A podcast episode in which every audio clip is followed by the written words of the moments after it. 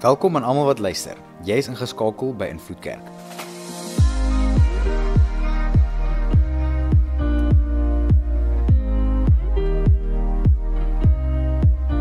Vir die volgende paar minute gaan jy luister na een van ons boodskappe. Ons glo en vertrou saam met jou dat jy die Here sal beleef daar waar jy is. Geniet dit. Maar julle vir vandag se boodskap het ek gedink om om te praat juis oor 'n onderwerp wat ek weet as ek hierdie woord gaan sê, gaan baie van julle al klaar onrustig sit in julle stoele. Soveel so dat dat miltsteek 'n realiteit kan word in 'n diens. Ja, dit is reg. Ek wil praat oor hardloop. Ooh, morai, regtig kon jy beter tema uitdinkie.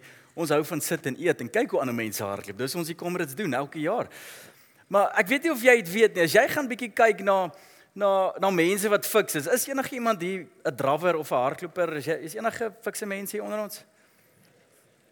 OK, twee twee. Ons doen goed hoor. Ons gemeente is fiks. Wow. Hierdie gaan 'n goeie diens wees. OK. Ek lees hom vir interessantheid in die week. Hierdie persoon raak, ek moet sy naam lees anders gaan ek dit in elk geval verkeerd kry. Eloid Kipchoge. Ek gedink Bybelname is moeilik. Ek bedoel hierdie ou.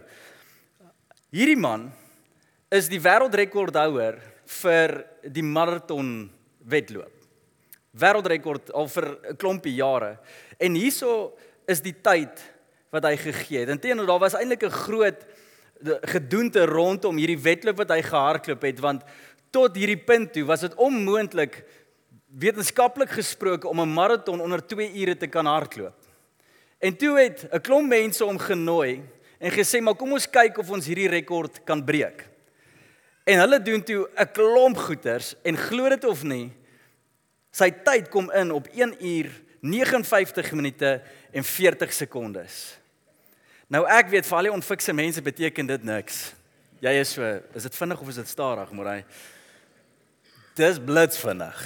Dit is dis wow, net onder die 2 ure ingekom vir 'n maraton. Maar maar hierdie tyd tel nie regtig nie. As jy gaan kyk wat is die beste tyd vir 'n maraton sal daai tyd nie verskyn nie want hulle het 'n baie unieke geleentheid bymekaar gemaak. Hulle het hulle het 'n klomp goed gedoen wat nie tel as 'n offisiële maraton nie. Byvoorbeeld dit was nie 'n publieke wedloop nie. So dit was net hy wat deelgeneem het, maar hulle het 'n klomp ander goeders ook gedoen om seker te maak hy is op die beste wat hy kan wees. Die baan wat hy gehardloop het was spesifiek uitgekies en uitgelê dat dit so plat as moontlik moet wees die hele pad deur. Geen opdraandes, geen afdraandes nie. En dan nog buiten dit, het hulle 'n klomp drawers gehad wat geroteer het wat voor hom uitgehardloop het sodat hy nie die windweerstand voel as hy hardloop nie. En dan sou ek dit die mense wat vir hom water gebring het of wat ook al goedjies hy moet drink en en sy liggaam net so sterk hou deur die resies. Hy het nie van die pad afgegaan om iets te kry nie. Iemand het gehardloop na hom toe en iets vir hom gebring dat hy net op spoed kan bly en heeltyd kan hardloop en daarom het hy onder 2 ure ingekom. Maar nou voor jy hom jammer kry en sê shame, hy het so hard probeer en nou is dit nie eens 'n offisiële rekord nie. Hy hou nog steeds die wêreldrekord vir 2 ure 1 minuut 39 sekondes. Wow. Ek nog 'n bietjie verder gaan lees. Nou die dag vertel iemand eintlik vir my nou hierdie naweek gister eintlik. Sê Pieter hulle vir my, het jy geweet die wêreldrekordhouer vir 'n ou wat agteruit hardloop is 15 sekondes op 100 meter? Ek hardloop nie eens vooruit so vinnig 100 meter nie. Dis Wow, dis vinnig. Maar maar maar ander ou wat ek raak gelees het was hierdie Noah en Geddy. 'n 1 km reisies. Is dit dalk bietjie meer in ons kraal? Ons kan die 1 km doen. Die van julle wat kinders het, jy doen kilometer elke dag. Hardloop agter die kinders aan. Maar die 1 km rekord, 2 minute 11 sekondes 96 um, millisekondes. Dis vinnig. So so hier kom hierdie ouens hulle hardloop hierdie rekords en soos ek dink aan heeltyd hierdie ouens wat hardloop, kan dit net nie uit my kop uitkom dat daar 'n wedloop was ook oor Paasfees nie. Daar was ook 'n kilometer reusie, 'n wedren ook oor Paastyd, nee. Ek weet nie of jy die storie kan onthou nie, maar maar vroeg die oggend Die Sondagoggend van Opstanding Sondag was daar 'n wedren wat plaasgevind het. En ons lees hier in Johannes 20 vanaf vers 1 die volgende. Dit sê: "Vroeg die Sondagoggend, toe dit nog donker was, kom Maria Magdalena by die graf aan en merk op dat die klip voor die graf weggerol is. Sy hardloop toe. Daar's die hardloop En kom toe by Simon Petrus en die liefling disipel. Dis na Johannes. Hy het homself verwys as die liefling disipel. Hy's bietjie beter as ander in sy oë. En hy sê toe en sy sê toe vir hulle: Hulle het die Here uit die graf weggeneem en ons weet nie waar hulle hom neergelê het nie. Hoor mooi. Petrus en die ander disipel het uitgekom en na die graf toe gehardloop. Hier's 'n wedren. Die twee het saam gehardloop, maar die ander disipel het vinniger as Petrus gehardloop en eerste by die graf aangekom. So hierso is hierdie hierdie onderliggende wedren en ewe skielik het Johannes dalk 'n kort pad geken of hy het of hy het miskien ewe skielik net 'n ander rad gekry en hy hardloop vinniger en hy kom voor Petrus by die graf aan. Hierdie wedloop en die, die plek waar hulle was tot daar waar die graf was was ongeveer 'n kilometer ver. So hierdie ouens hardloop hierdie kilometer wedren. Maar hoor wat gebeur toe. Toe hy vooroor buig. sien hy net die linne doeke daar lê. Hulle verwag om Jesus te sien maar hulle kry hom nie. Maar maar hy het nie ingegaan nie. Simon Petrus het na hom ook daar aangekom en by die graf ingegaan. Hy sien toe ook die linne doeke daar lê en die kopdoek wat op Jesus se kop was. Die kopdoek het nie by die ander doeke gelê nie, maar was eenkant opgerol. Daarna het die ander disipel wat eers by die graf gekom het ook ingegaan, gesien en geglo. Wat vir my so interessant was, is dat hierdie nuus dat Jesus opgestaan het, dat hy dood gegaan het en die Sondag weer opgestaan het, is nie net sommer enige nuus wat mense laat stil sit in hulle stoele nie. Hierdie is nuus wat mense aan die hart loop gekry het. Ek weet nie of al daai snaakse kerk op TV of iewers gesien het nie. Dan ewe skielik in die middel van die diens besluit hulle hier hardloop ons 'n lap. OK, ek het dit al gesien. Dis vir my die vreemdste ding ooit, maar maar tot 'n mate is dit Paasfees. Dat as ons hierdie nuus hoor, dat Jesus het dood gegaan en weer opgestaan, kan mense nie stil sit nie want hierdie is nie net sommer goeie nuus van jy het 'n verhoging nie. Hierdie is goeie nuus dat jou lewe anders kan lyk. Jou lewe gered is. Dit kry jou aan die hardloop en aan die beweeg. En wat vir my so amazing was, is dat hierdie nuus toe Johannes en Petrus by die graf aankom, hierdie wedloop afhandel, is hulle verwagting om Jesus te kry dat Jesus dalk moontlik nog in die graf gaan wees. Maar hy was nie daar nie voor Johannes en Petrus aan die hardloop en aan die beweeg kon kon kom, was Jesus lankal aan die beweeg. Nog voor hulle geweet het hy het opgestaan, nog voor hulle verwag het daar 'n leë graf is, het Jesus klaar die klip al die God al klaar die klip weggerol vir Jesus. En hierdie is so belangrik om vir my en jou te besef, want vandag moet ek en jy weer hoor, dit is God wat altyd eers te beweeg in ons lewens. Die dag wanneer jy nog vergifnis soek, het God al klaar beweeg en die pad na vergifnis klaar bewerkstellig.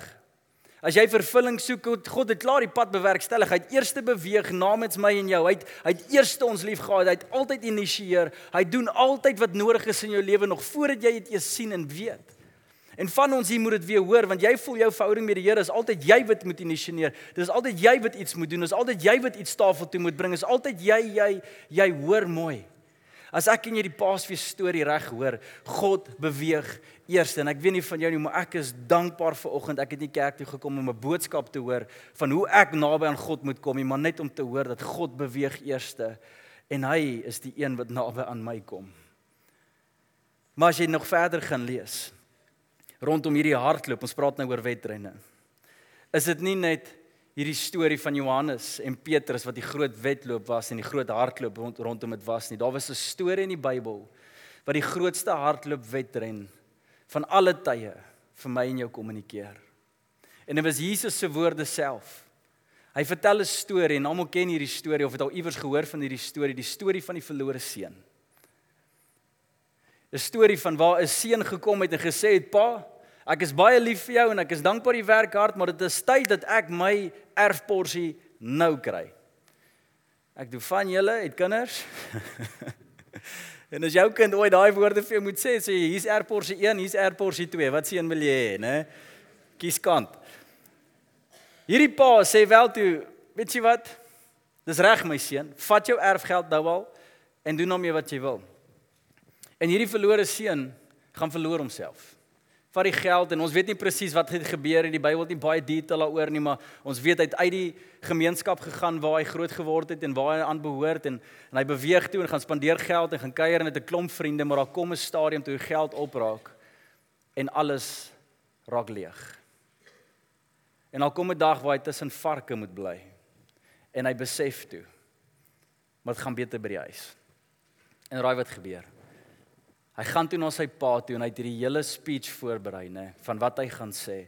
En ek het altyd gedink as ek hierdie storie lees in Lukas 15 dat hierdie storie het verander toe die seun na die pa toe gekom het en hierdie woorde kom sê het waar hy gesê het um, in Lukas 15 vers 21 seun dis sy seun het vir hom gesê pa ek het gesondig teen die hemel en teen pa ek is nie langer werd om pa se seun genoem te word nie Ek het gedink as daai oomblik toe hy berou en toe hy bely, dis daar waar die storie verander, dis daar waar dinge begin anders lyk, dis daar waar God se ontferming kom, dis daar waar alles weer in plek val.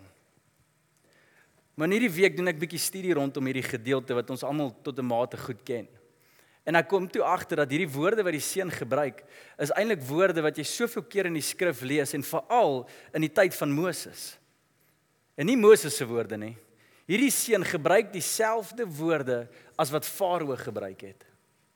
Farao wat die Israel gevangene gehou het vir 400 jaar slawe gehou het en en die plaag kom een na 'n ander en dis 10 plaae wat hulle tref en op die ouene van die dag hoor in Eksodus 10 vers 16 tot 17 wat is die woorde wat Farao gebruik toe het Farao gou vir Moses en Aaron laat roep en gesê ek het gesondig teen die Here julle God en teen julle vergeef dan tog nou net die keer my sonde en bid tot die Here julle God dat hy net hierdie dood van my af wegneem. Farao gebruik nie hierdie woorde omdat hy waarlik berou het nê. Omdat hy sonde bely nie. Hy sê dit wanneer hy probeer 'n probleem uit sy lewe uitkry. Jy sien nou was hierdie gat in Farao se lewe. Gat in sy hart. 'n Leemte wat hy moes vul. 'n probleem wat hy moes oplos, 'n soektog wat hy nie kon behaal nie en hy het nie geweet hoe om uit te kom nie en al wat hy gedoen het is die Christelike kaart speel in ons terme en gesê het maar ek het gesondig teen julle, ek het gesondig teen julle God, asseblief vergewe my. Klink mooi. Maar dit doen niks in die hart van die Vader, ons hemelse Vader nie. Dis 'n gebed wat net situasies moet manipuleer. Dis 'n gebed om God se arm te probeer draai en ek wonder hoeveel van ons hier sit hier met sulke gate nou in ons lewens of in die verlede al waar ons hierdie gebede al gebid het. Here vergewe my net. Here asseblief, ek het hierdie gat in my hart, ek het hierdie gat in my lewe wat ek probeer vul, of dit nou besigheidsgewys is of finansies gewys is of wat ook al area van jou lewe, daar's 'n gat in jou sin, jy probeer hom vul en jy dink as hierdie situasie net kan verander, dan gaan ek weer weet wie ek moet wees en jy probeer dit vul deur 'n gebed dat God se situasie moet kom manipuleer. En ons kan so vinnig hierdie skietgebede opsê, né? Here vergewe my. Here ek is jammer. Ek het gesondig, Here. Here vergewe my sonde. Hoe vinnig bid ons daai gebed? En ons klink nes die verlore seun. Maar hoor mooi. Die storie van die verlore seun het nie verander omdat daar 'n skietgebedjie opgesê was om dit mense net vinnig na God toe wou gaan en sê Here, alles wat ek doen werk nie. Alles wat ek probeer het is leeg. Help my nou, Here, asseblief. Vul net hierdie gaatjie in my lewe. Nee, nee, nee, nee. Die storie het verander toe die wedloop van alle wedlope afgelê was en ons ken hierdie deel. Waar die Vader aangehardloop kom by die seun. Kom ons lees dit saam in 5 Lukas 15 vers 20. Daarop het hy teruggegaan na sy pa toe. En toe hy nog ver weg was, het sy pa hom gesien aankom. Oorweldig met liefde en deernis het hy nou sy seun toe gehardloop, hom omhels en gesoen. Hier is waar die storie verander. Nog voor die kind 'n woord kon sê, nog voor hy by die graf aangekom het, was daar al klaar 'n plan van die Here wat geïnisieer is. God beweeg altyd eerste, maar hier hardloop die Vader. En hierdie is so belangrik. En ek dink ek en jy het al dalk die fout gemaak dat ons hierdie gedeelte lees met 'n westerse oog. Ons lees dit dalk in 'n 'n prentjie waar 'n pa op 'n stoep sit op 'n wiegstoel, koffie in die hand en hy kyk so in die verte af en hy soek die seun. Weet nie, weet nie hoe lyk jou prentjie, 'n grondpad met bome langs die pad. Ek dit is min of meer my prentjie gewees. Maar dit is glad nie hoe dit afgespeel het in daai tyd nie. Jy sien hoe dit afgespeel het in daai tyd is dat die Israel en die Jode, die Joodse gemeenskap in ware gemeenskap geleef het. Nie soos vandag waar jy jou mure so hoog as moontlik bou en jy wil nie jou buurman moet sien wat by jou erf aangaan nie. Daar was geen mure. Almal leef tussen mekaar. Gemeenskap is familie. Jy jy is nie net deel van 'n gesin nie, jy is deel van 'n 'n groepering van mense. Jy's familie van baie mense. Dis dis hoe die Jode geleef het. En dan wat baie interessant is, hierdie pa tussen al hierdie huise, Hou sy oë gereeld dop op die berg of waar ook al hy ver in die verte kan kyk. Gereeld. En toe op 'n dag toe sien hy sy seun aankom. En toe hardloop hy. En hier hier's wat ons moet snap. Julle dit is kontroversieel in die tyd dat 'n pa sou gehardloop het. Want weet jy wat dit beteken? Die pa moes sy draarok opgetel het. Jodit moes lang rokke gedra. Hy moes sy rok opgetel het en as hy gehardloop het, dan moes hy sy bene begin wys het vir mense. En as jy enigsins 'n figuur van autoriteit was, 'n pa of iemand wat gesag het in die dorp, jy hardloop nooit nommer 1 want jy het nie haas in jou lewe nie, jy is rustig almal hardloop rondom jou. En nommer 2, jy verneder jouself nooit nie. Ander mense moet buig voor jou en luister na jou, nie jy na hulle en jy verneder jouself vir ander mense nie. Hierdie pa tel sy rok op en hy hardloop en hy sê maar my seun, ek sien hom in die verte. En as vandag iemand my kuite moet sien of dalk iemand my shankles moet sien, dan wat se toestand hy was, maar ek gaan ek gaan hardloop. En as mense dalk skeef vir my kyk, dit is oukei. Okay. As ek myself moet verneder, dis oukei okay, want alwaar dit vir my vandag gaan, is dat ek by my seun uitkom. En dan soos Jesus hierdie storie vertel julle, is dit so belangrik om te snap dat daar Jode was wat luister na die storie en iets hoor wat ek en jy dalk kan mis. Hulle hoor hierdie woordjie, nie dat Jesus dit permanent genoem het nie, maar in die Joodse kultuur weet almal waaroor hierdie gaan. Dit gaan oor hierdie volgende woordjie, keza. Het al hierdie woordjie gehoor al? Keza. Keza was 'n seremonie wat Jode gehad het in hierdie gemeenskap waarna jy behoort het. En hierdie keza seremonie was was een van die vernederendste, verkleinerendste en die slegste ervaring wat enige iemand kan hê. Want wat dit beteken het is dat die gesagsfigure, die paas, die leiers, die manne gewoonlik na 'n persoon toe sou gaan wat die die reëls en die regulasies van hierdie gemeenskap oortree het. Hulle sou na hierdie persoon toe gegaan het en hulle sou 'n kleipot gevat het en dit by hierdie voete se persoon gegooi het in die simbool van wie jy is is gebreek. En jy is nie meer geaanvaar in hierdie gemeenskap waarin ons leef nie. Jy jy jy's 'n jy's al agter ons nou. Jy's nie welkom nie. Jy mag nie tussen ons bly nie. Hierdie is nie meer jou mense nie. Is nie meer jou plek nie. Ons onterf jou. Dis Kesa. Kesa beteken jy's afgesny. En hierdie pa weet. As ek die eerste by daai hek kom en my seun daar aankom nie, gaan die klomp manne wat daar bly hom sien. En hulle weet wat hy gedoen het. Hulle het my geld gevat. My seun het my geld gevat en hy het alles gaan spandeer. Hy het alles gedoen wat teen die gemeenskap se reëls is. Hy het gaan bly tussen heidene. Hy het gaan 'n lewe leef wat so buite ons kultuur is en wat God van ons verwag. As ek hom die eerste by die hek kry hy gaan iemand 'n kleipot optel en hierdie seremonie van Kesa plaas laat vind vir my kind en hy gaan afgesny wees en hy mag nie meer welkom wees hier tussen ons en hierdie pa tel sy rok op en hy snor julle. Hy hardloop. Want hy weet as ek die eerste by daai hek kom nie, gaan iemand my kind onterf. Mag my kind nie meer my huis kom bly nie. Mag my kind nie meer myne wees nie. En hy hardloop. So vinnig as wat hy ooit sou kon. Wat enige rekord moontlik kon breek en hy kom by daai hek en hier sy reaksie. Hy omhels sy seun. Hy gooi die kes af voor hom uit, nê? Hy omhels hom. Hy soen hom.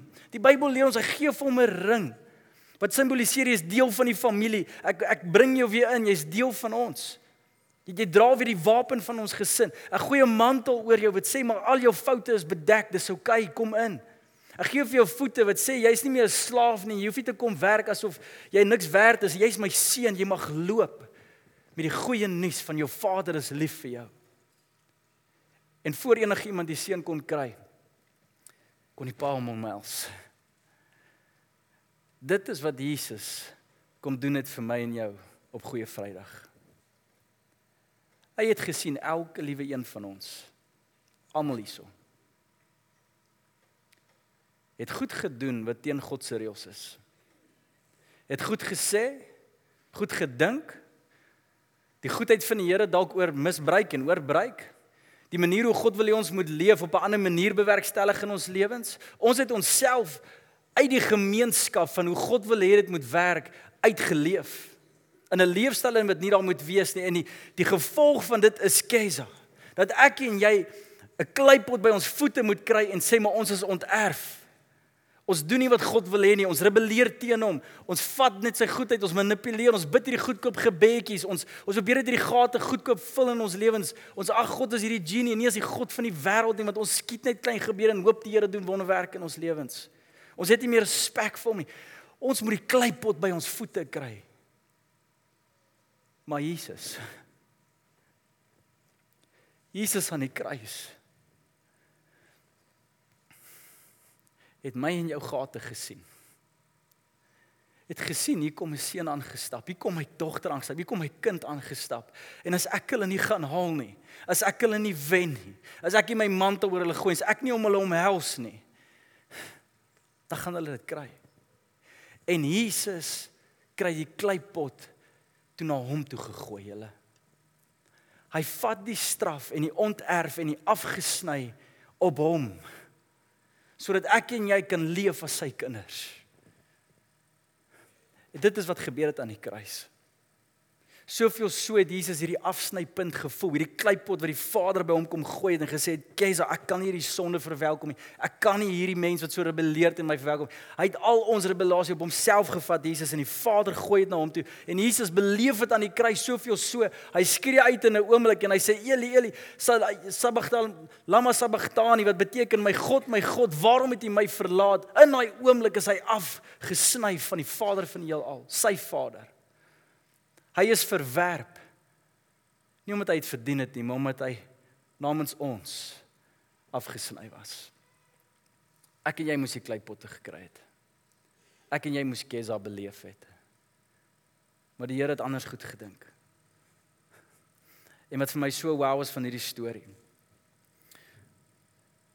is dat ek en jy staan op goeie Vrydag vandag en vier die goeie nuus van Jesus. Maar dit is nie omdat ek en jy mooi gebed bid nie. Dis omdat ek en jy besef hier en nou vanoggend maar God hardloop tot vandag toe. En dalk sit 'n paar van ons hier en jy het jy het afgedwaal. Jou verhouding met die Here is so ver uit en so ver weg en jy het dalk koud geraak. Kerk en liefde vir God en Bybel en gebed. Ja, dit is nie vir jou nie belangrik nie, maar dit is prioriteit nommer 10 in jou lewe. Ek en jy het afgedwaal. Ek en jy verdien kesa. Jesus is die voorsiening. Nog voor ek en jy dink jy's om sonde te bely, het hulle pad gemaak om vergifnis te kry. Hy's altyd vooraf. Dis hoekom toe die seun en jy lees hierdie in, Lukas 15 verder hier by vers 22 rond waar waar die seun by die eventueel by die huis aankom en die pa se opdrag is gaan gaan slag die vetgemaakte kalf. Hierdie kalf was nie nou net vet gemaak nie. Hy was hy was lankal voorberei. Die pa het met 'n verwagting geleef dat my seun gaan terugkom en hy het 'n vetgemaakte kalf gehou daar. Elke dag nog gevoer, nee, nog vetter. Ons gaan groter partytjie hou. En in plaas daarvan op die ouene van die dag dat hy sy God se straf gekry het deur die seun, kry hy God se seën. Kry iemand sê dit so dat ek weet of jy like Chris Tomlin liedjie kan onthou onthou van God's Great Dance Floor. Dis geskryf uit hierdie storie uit waar sê hy het God se dansvloer gekry. Hulle hou partytjie omdat God voorberei was. En dalk sit jy vandag en jy verwerp dalk jouself. Jy dink jy's nie goed genoeg vir die oë van die Here nie. Jy loop met soveel swaar hart rond en jy jy's afgesny. Jy dink jy moet nog God se guns wen. Jy dink jy moet nog jou lewe gaan uitsorteer. Jy dink jy moet nog 10 goeders doen om naby die Here te kom. Hoor mooi, dit is nie jy nie. Dit is nie jou daar nie. Dit is God wat eerste hardloop. Hy het die prys betaal. En dis die goeie nuus. Kom ek begin afsluit. Hoekom hierdie woordjie Kesa vir ons die grootste goeie nuus ooit moet wees wanneer ons hierdie storie hoor. Is omdat die Bybel leer ons en ons almal weet dit. Daar kom 'n dag en 'n datum waar ons tyd op aarde klaar is.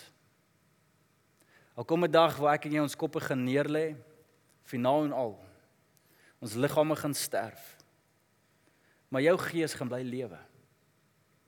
En jy gaan voor die God van heelal verskyn. En jy gaan 'n oordeel oor jou lewe kry. Hy gaan na jou lewe kyk en hy gaan bepaal. Want hoe gaan jy? Hemel of hel? En die goeie nuus is dat voor ek en jy by die poorte van die hemel aankom, as jy glo in Jesus Christus, dat hy die kleipot namens my en jou gekry het, die kesa namens my en jou beleef het, is die goeie nuus, die dag wanneer jy opdaag by die hemel, gaan jy nou die Here toe gaan en vir jou 50 vrae gaan vra soos Here, hoekom het jy muskiete gemaak en vlee en hoekom daar en waar het ek my sleutels gelos 5 jaar terug? Ek kon dit nou nog nie kry nie. Jy gaan niks aan daai vrae dink nie, want wat jy gaan sien is 'n Vader, is 'n Jesus wat aangehardloop kom nog voor jy by die poorte van die hemel is en hy gaan aangehardloop kom en hy gaan hom sy arms om jou gooi en hy gaan jou omhels en hy gaan jou soen en hy gaan jou druk. Hy gaan jou seën, hy gaan jou lief hê, hy gaan 'n mantel oor jou gooi, hy gaan hy gaan 'n ring op jou vinger sit, hy gaan skoene aan jou voete sit en hy gaan sê my seun, ek is so bly jy's terug. Jy was dood, maar nou leef jy. My seun is terug by die huis, my kind is hier. Dis wat ek en jy gaan beleef in die hemel. 'n Jesus wat nog steeds hardloop. Ek weet nie waar as jy volgende nie. Ek weet nie wat is jou verhouding met die Here en die toestand van jou verhouding met die Here nie. Maar kan ek jou net in 'n oomblik hierdie geleentheid bied dat jy alles dit wat jy gehoor het en gesien het vandag nie net in jou kop het nie. Nie uitstap en dink maar wow, ek het nog nooit so gedink al kan die storie nie. Die Here stel nie belang in daai. Dis goedkoop antwoorde vir hom. Elkeen van ons leef hier met daai gat. Almal. En dalk sit jy op 'n plek in 'n lewe en lewe so gemaklik, jy's net blind vir daai gat in jou lewe. Die Godgat in jou lewe. Maak nie saak wat jy doen nie, maak nie saak of jy geld het, jy maak nie saak of jy roem jy het nie, maak nie saak hoe goed dit gaan by die huis nie, maak nie saak hoe gelukkig jy is en hoe vriendskappe lyk en jou drome word behaal, daar's 'n gat in jou siel wat net God kan vul. Net hy. En al hoe ek en jy daai gat vol kry. Is sien net die prentjie. Hoe 'n liefdevolle Vader aangehardloop kom. Die beste wedloop wat ooit afgelê is, gebeur nog steeds. Nog voor jy opgedaag het vandag het die Here al 'n boodskap uitgedeel wat jy moes hoor. Hy's voor ons. Hy hy gaan eerste. Nog voor jy gedink het om sonde te bely en te berou en te vra vir vergifnis, het hy sy seun gestuur om vir my en vir jou te sterf. Die deur is daar, God beweeg eerste. Daar's geen verskonings. Daar's geen toe deur van sy kant af nie, niks. Vryheid, vergifnis, vreugde, vervulling, liefde, goedhartigheid, sagmoedigheid. Alles wat jy nodig het om 'n ware lewe te leef in die oë van die Here is beskikbaar. Maar maak erns met daai gat van jou. Kom ons sluit ons so. En ek gee jou daai oomblik van privaatheid. Beleef jy nog hoe die Vader hardloop? Beleef jy hoe die kleipot voor Jesus neergegooi was? sien jy hoe hy afgesny was? Dit was my en jou kruis daai. Ek en jy moes daai kleipot gekry het. En as ek en jy net weer naby die Here wil kom, Is dit nie 'n lys van 10 goed wat jy moet doen nie? Dis nie reëls en regulasies wat jy moet gehoorsaam hê. Dis besef. Hy's hier en hy's by jou. Hy omhels jou. En dalk is daar 'n klomp goed in jou binneste hier vanoggend wat jou besig hou. Goed by die werk. Goed by die huis. Identiteit. Stoeie, woede, bitterheid, vrese. Hy het gekom vir daai. Hy het geweet daai goed laat jou afdwaal. Al hoe jy dit kan uitkry is beleef die arms van die Here. So as jy volgend is en jy wil graag net weer op 'n goeie voet met die Here staan. Aanvaar dit net in jou binneste. Sê net dankie, Here. Maak net oop teenoor hom. Vergeet van jou mooi woorde. Vergeet van jou skietgebede. Besef net. Jesus, dankie. Dankie hier en nou, Here, dat ons kan weet die storie van die kruis raak realiteit. Dankie Jesus dat U Kesa op U geneem het dat die kleipot op u gegooi was voor u voete en u was afgesny Here van die Vader, die drie eenheid geskeur. Die eerste keer en die laaste keer in geskiedenis. En Here, dankie. Dankie dat jy dit gedoen het namens ons. Dit was nie ons gebedsversoek nie. Dit was nie iets wat ons beplan het nie. Dis nie iets wat ons van bewus was nie. Ons was vyande nog van U. Toe het U U lewe vir ons gegee. Het U vir ons gesterf. En daarom hier en nou, Here, wanneer ons nader aan U kom en U noem ons 'n vriend en U noem ons ons is U is ons verlosser en ons is een met U en daar's verzoening. Here, hoeveel te meer gaan U goedheid en guns nou op ons uitstort nie. Nou dat ons vir U is. Heilige Gees, hier waar ons is. Ek bid kom vul daai gate binne in ons lewens, Here. Kom maak ons vol met U. Kom maak ons meer soos U. Kom help ons besef Here hoe groot U liefde is en laat U liefde ons transformeer, Here. Laat ons ophou met hierdie godsdienstige reëls en sê maar as ek 'n Christen moet wees, moet ek ophou dit en meer van dit en ophou dit en meer van dit. Mag ons net al hoe meer U sien en beleef, Here. Want hoe meer ons ervaar, hoe meer word ons soos U. So Jesus, dankie vir die prys. Dankie dat jy hardloop. Dankie dat jy omhels.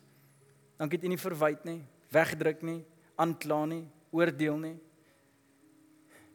U bewys net genade aan ons. So Jesus, hier is ons lewens. Hier is ons harte, hier is ons denke, hier is ons gate, Here. Kom wees God oor ons lewens. Ons kies om in die gemeenskap te bly, in die koningheerskappy. Om volgens U reëls te leef. Nie omdat ons moet nie, Here. Maar ons besef hier is lewe in oorvloed. Jesus kom leer ons wat U van ons verwag. Ons naby U kan bly. Kom hou ons vas, Here. So dankie daarvoor. En daarom bid ons dit alles in die mooiste naam wat bestaan. In die naam van Jesus Christus. Ons almal sê saam. Amen. En amen. Dankie dat jy tyd geneem het om na die boodskap te luister. Indien die Here op jou hart druk om jou getuienis te deel of net om met iemand te gesels, gaan na ons aanlyn toonbank op ons webtuiste om kontak te maak. Dankie aan almal wat finansiëel bydra tot die bediening. As jy in jou hart voel om ook by te dra, besoek ons aanlyn toonbank vir maniere om te gee. By Invloed Kerk skep ons veilige spasies waarin jy die Here kan beleef, voel jy behoort en jou wêreld kan beïnvloed.